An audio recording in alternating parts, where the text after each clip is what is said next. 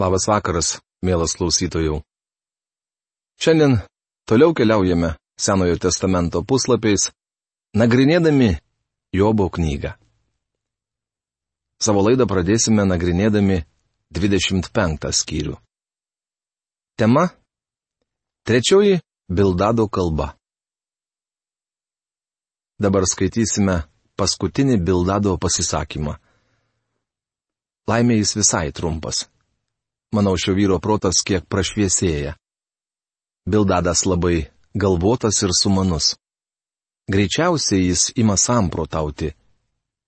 Jei Jobas kaltas, kodėl tuomet nepalūšta mums taip inirtingai, bombarduojant jį savo argumentais? Jobas vis dar laikėsi savo jo dorumo ir sugebėjo atremti draugų puolimą. Prisiminkite, jog Bildadas tradicionalistas. Jis įsitikinęs, kad Dievas vadovaujasi tam tikrais dėsniais. Taip buvo tūkstantį metų, tad kodėl turėtų kažkas pasikeisti? Šis vyras - mokslininkas, kuris supila gyvenimą į mėgintuvėlį ir sako, Matai, taip nutinka visuomet. Egzistuoja dėsnis, kad Dievas baudžia nusidėjėlius. Ir visgi Bildadas svarsto, kodėl Jobas nepalūšta, jei yra prasikaltęs nusidėjėlis. Šiandien tiek mokslininkai, tiek teologai kalba labai moksliškai, ypač apie žemės sukūrimą. Atrodo, kad jie tiksliai žino, ką Dievas darė tam tikromis aplinkybėmis prieš 2 milijardus metų. Šie žmonės išūkdė kartą praplautomis smegenimis.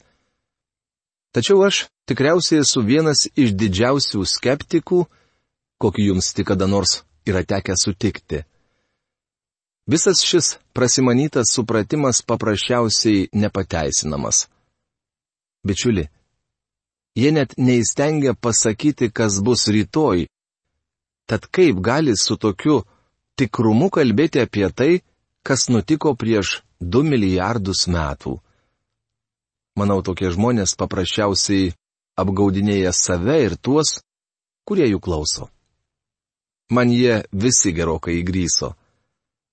Ar kas nors gali atskleisti tikrąją pirmo pradžios knygos skyriaus reikšmę? Manau, jei Mozė šiandien būtų tarp mūsų ir išgirstų dabartinius mokslinius šios skyriaus aiškinimus, jis šyptelėtų pro ūsą ir tartų, klausyk, tie vaikinai iš ties daug išmoko nuo to laiko, kai aš parašiau pradžios knygą. Panašu, kad jie išmano daugiau, negu žinojau aš. Tiek Bildadui, tiek nūdienos intelektualams dėrėtų prisiminti, jog Dievo keliai neištyriami. Tada Bildadas Šuachas atsakydamas tarė.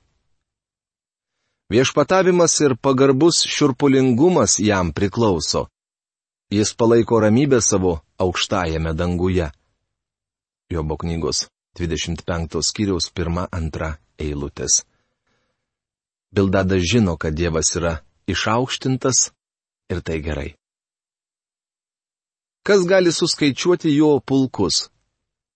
Kam neužteka jo šviesa? Jobo knygos 25 skyriaus 3 eilutė. Kitaip tariant, Dievas yra aukščiausiasis. Tad kaip gali žmogus būti teisus Dievo akivaizdoje? Kaip gali gimusis iš moters būti tyras? Jobo knygos 25 skyriaus 4 eilutė. Tai geras klausimas, kurį jam dėrėjo užduoti iš pat pradžių. Ir nors Bildadas užduoda teisingą klausimą, teisingo atsakymo į jį neturi. Štai net mėnulis nėra šviesus ir žvaigždės nėra tyros jo akise. Jobo knygos 25 skyriaus 5 eilutė. Taigi žmogus pabuvojo mėnulyje ir paaiškėjo, kad ten gana nešvaru. Mėnulis padengtas dulkėmis ir vulkaninėmis nuosėdomis ne pati geriausia vieta iškylai. Ten netaip romantiška kaip čia žemėje, kuomet pirmą kartą susitinki su savo drauge mėnesienoje. Atrodo ir Marse ne ką švariau. Žvaigždės nėra tyros Dievo akise. Tad ką sakyti apie kirminą žmogų, apie kirmį žmogaus sūnų. Jobo knygos 25 skyriaus 6 eilutė. Kai kurie nenori to pripažinti. Man tai patinka. Šiandien žmonės kalba, kad mes kilę iš kirminų. Bičiuliai, mes nekilę iš kirminų, bet esame kirminai. Štai kokie mes Dievo akivaizdoje. Kaip gali gimusis iš moters būti tyras Dievo akivaizdoje? Tai geras, netgi sakyčiau, esminis klausimas. Bildadas nežinojo atsakymo. Atsakymą į šį klausimą turi tik viešpats Jėzus Kristus. Jobo knygos 26-31 skyriai. Tema - aštuntasis Jobo atsakymas. Netrukus pradėsime skaityti ilgiausią Jobo pasisakymą, truksantį nuo 26 iki 31 skyriaus. Jobas išpažįsta savo tikėjimą kuriejų dievu ir mes galėsime išvelgti jo tikrąją bėdą. Tada Jobas atsakydamas tarė. Kaip tu padėjai bejėgiam žmogui ir palaikiai ranką netekusiam jėgų? Kaip tu patarinėjai neišmintingam žmogui ir davėjai daug gerų patarimų? Jobo knygos 26 skyriaus 1-3 eilutės. Bildadai, tu neturi atsakymo. Sofarai, tu man neatsakėjai. Elifazai, tavo atsakymas man nepadėjo.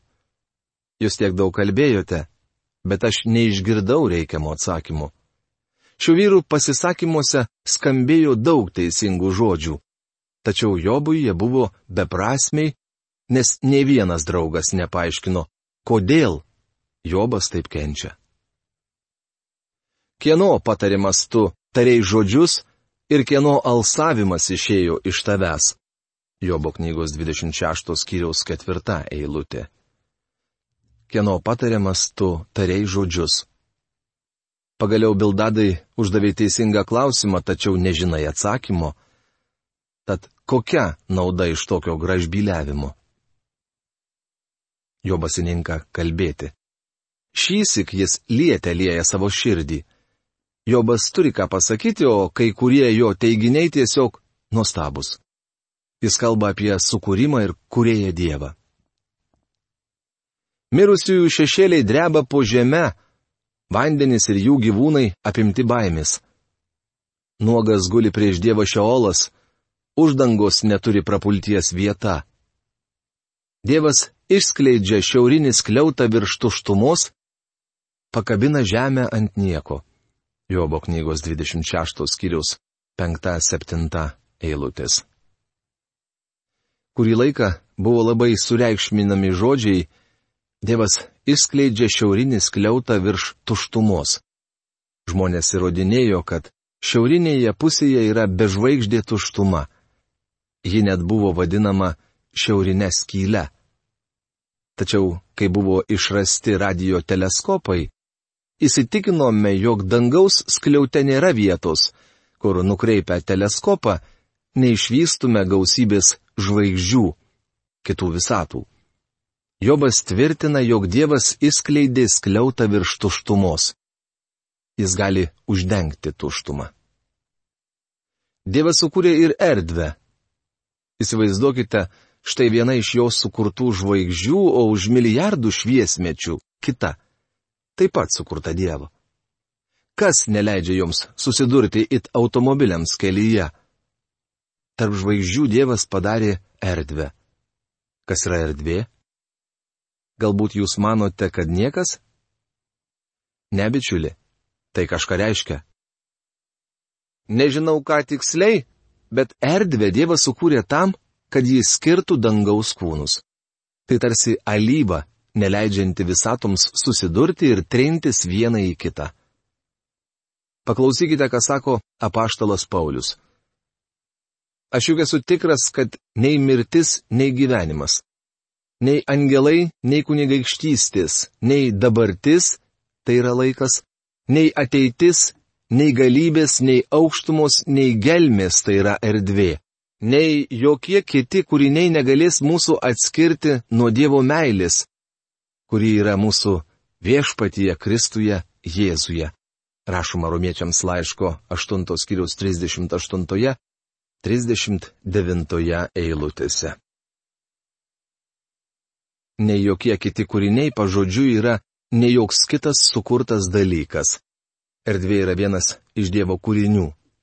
Bičiuliai tai verčia mus dar sėki savęs paklausti, kas yra erdvė. Reikia daug laiko, kad žmogus pasiektų menulį. Kas yra toji platybė tarp žemės ir menulio? Tik nesakykite man, kad tai niekas. Tuomet kas? Nežinau. Negaliu atsakyti į šį klausimą. Žinau tik tiek, kad mes tai vadiname erdve, kad ją sukūrė Dievas ir kad ji pasitarnauja tam tikram tikslui. Pakabina žemę ant nieko. Kas Jobui tai pasakė? Prisiminkite, kad šis vyras gyveno patriarchų laikais ir visgi žinojo, jog Žemė kabo erdvėje. Senovės astronomai nie nenumanė, kad Dievas didžiulį Žemės rutulį pakabino erdvėje ir jo niekas kitas nelaiko, tik griežtai nustatyti dėsniai. Tačiau Jobas suprato, kad Dievas pakabina Žemę ant nieko. Po ją nėra jokio pagrindo. Jei įkristų, į kurią pusę? Mes žinome traukos dėsnį, tačiau tai trauka Žemės centro link. Nutolus nuo Žemės paviršiaus, niekas nieko niekur netraukia. Kur tuomet yra viršus, o kur apačia? Ir kas laiko Žemę erdvėje? Atsakymą randame laiško kolosiečiams pirmos kiriaus 17 eilutėje. Jis yra pirma visų daiktų ir visa juo laikosi. Tiksliau, visą laikosi Kristumi. Jobas įsivaizdavo Dievą kaip kurėją. Sėdėdamas pelenų krūvoje jis galėjo žiūrėti į spindinčias žvaigždės. Jobas mėgo tai daryti ir anksčiau. Jo vėjas iššlavė padangės, jo ranka pervėrė suktą į slibiną. Tai tik jo galybės užuominos. Mes tik jo šnapždėsyte išgirstame. Kas gali suprasti jo galybės griausmą? Jobo knygos 26 skyrius 13-14 eilutės. Kosto burbulio Biblijos vertime 13 eilutė skamba taip. Savo dvasia jis papuošė dangus, jo ranka padarė gyvatę. Dievas papuošė dangų žvaigždėmis. Galimas dalykas, kad suktuoju slibinu arba gyvate, Jobas vadina žvaigždyną. Šis vyras atkreipia mūsų dėmesį į Dievo didybę kurią atskleidžia nuostabus dangaus kūriniai. Taigi Jobas pažinojo Dievą kaip kūrėją. Suprato jį kaip atpirkėją, tačiau nežinojo, kad Dievas myli jį ir išlaiko.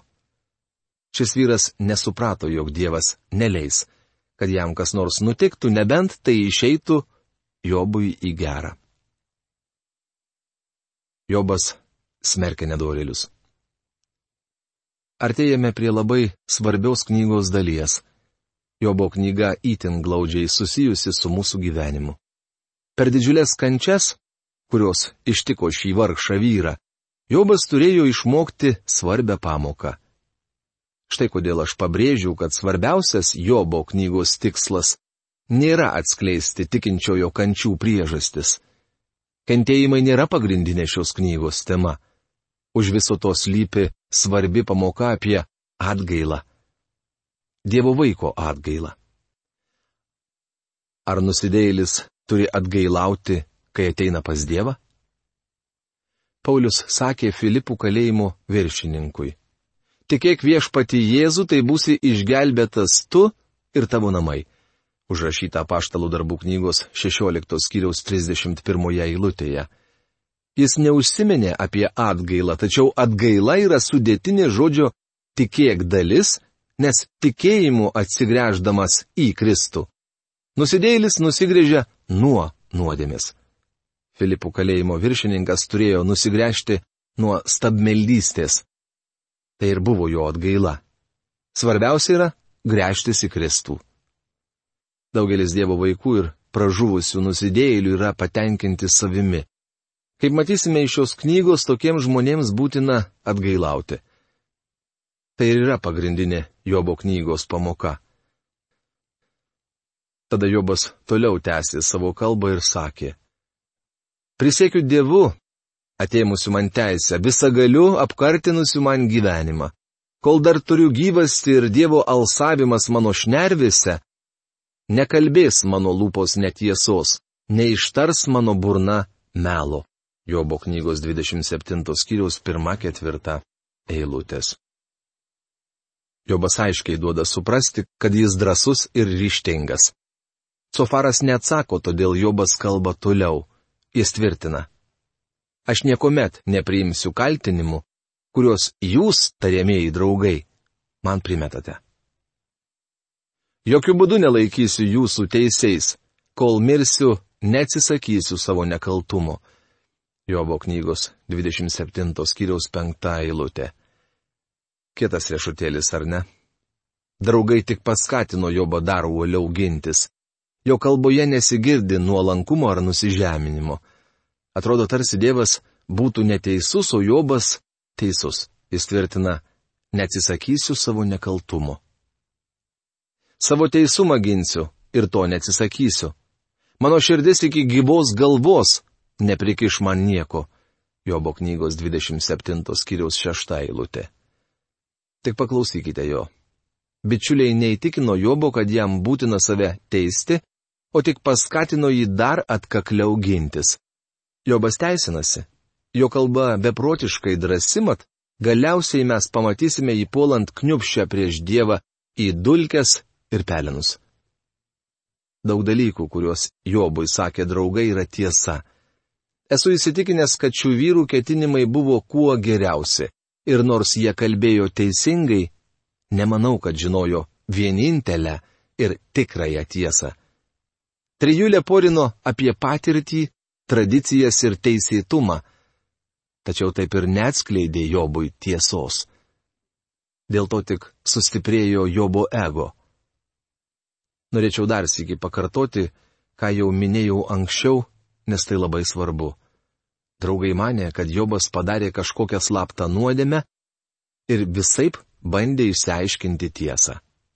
Jobas žinojo, kad bičiuliai klysta, o jei taip, Vadinasi, jis teisus. Čia Jobas ir susikirto. Jis nebuvo teisus vien todėl, kad jo draugai suklydo. Jobui dėrėjo pasilikti arti Dievo, kuris vienintelis žmogui gali duoti nuolankę dvasę. Viena iš priežasčių, kodėl gyvenime mūsų užgriūva bėdos, yra ta, kad mums būtina nusižeminti prieš Dievą. Kažkas yra pasakęs, jog vargas primena Saulę, Saulės kaitra ištirpina vašką, tačiau sukėtina molį. Panašiai skirtingų žmonės veikia ir vargas. Kai kurie prislėgti bėdų nusižemina, tiesiog ištirpsta Dievo akivaizdoje. Tačiau Jobui dar toli iki to. Kol kas jis kietas kaip akmuo ir tvirtai laikosi savo teisumu. Savo teisumą ginsiu ir jo neatsisakysiu, mano širdis iki gyvos galvos neprikiš man nieko. Nūdien tokioje padėtyje yra daugelis bažnyčios narių. Jie jaučiasi lygiai taip pat. Nuostabu, jei esate tikras dėl savo išgelbėjimo, tačiau bičiuli ir užkietėjęs nusidėjėlis dėl savo didelio ego gali būti tikras, kad yra išgelbėtas. Kągi, ir Jobas manėsi tai pasiekęs, tačiau labai greitai šis vyras supras, jog klydo. Tai ištinka mano priešą nedorėlio likimas, mano užpuolika piktadario likimas, Jobo knygos 27 skyriaus 7 eilutė. Visus, kurie su juo nesutinka, Jobas laiko priešais. Jie nedori ir neteisūs. Patikėkit, pavojinga laikytis tokios pozicijos. Toliau Jobas kalbės apie nedorilius ir kas jų laukia jis sakys prakalbą. Kentėdamas baisius vargus, šis vyras skaitys paskaitą apie nedorelius. Kokią viltį turi nedoras žmogus tą valandą, kai Dievas pareikalauja jo gyvasties? Ar išgirs Dievas jo šauksmą, kai ištiks jį nelaimė? Ar jis ras džiaugsmo visagalyje ir visada šauksis Dievo? Pamokysiu jūs apie Dievo galybę, visagalio užmojo neslėpsiu. Jobo knygos 27 skyriaus 8-11 eilutės. Jobas teigia, kad nedoriliai gali klestėti, tačiau galiausiai jų laukia Dievo teismas. Jis atsigula su turtais paskutinį kartą, o kai atveria akis, jie jau dingia. Siaubas ištinka jį kaip staigus potvinis naktį jį nupučia vėtra, rytų vėjas pakelia jį ir nuneša toli, išplėšia jį iš buveinės. Jobo knygos 27 skyriaus 19-21 eilutės. Turtai nieko nepakeis. Jei žmogus nedoras, jo gyvenimas užges lik skersvijo užpusta žvakės liepsna. Ateis diena, kai jam bėgant iš paniekos staugia, nušvilpė jį iš savo buveinės. Jobo knygos 27 skyrius 23 eilutė. Ar pamenate laikus, kai milijonai sveikindavo Musolinį? Nedaug turbūt yra tų, kurie pamena. Tačiau vieną dieną jis ir jo meilužė susilaukė mirties bausmės. Jų lavonai gulėjo purve ir žmonės tikrąją to žodžio prasme trypė juos kojomis nedoriliai bus nubausti. Jų nedorybei ir laikinai šloviai ateis galas. Šis vyras vis dar turi ką pasakyti. Mielas klausytojų, šiandien mūsų laidos laikas baigėsi. Susitiksime kitoje laidoje. Iki malonaus susitikimo. Sudė.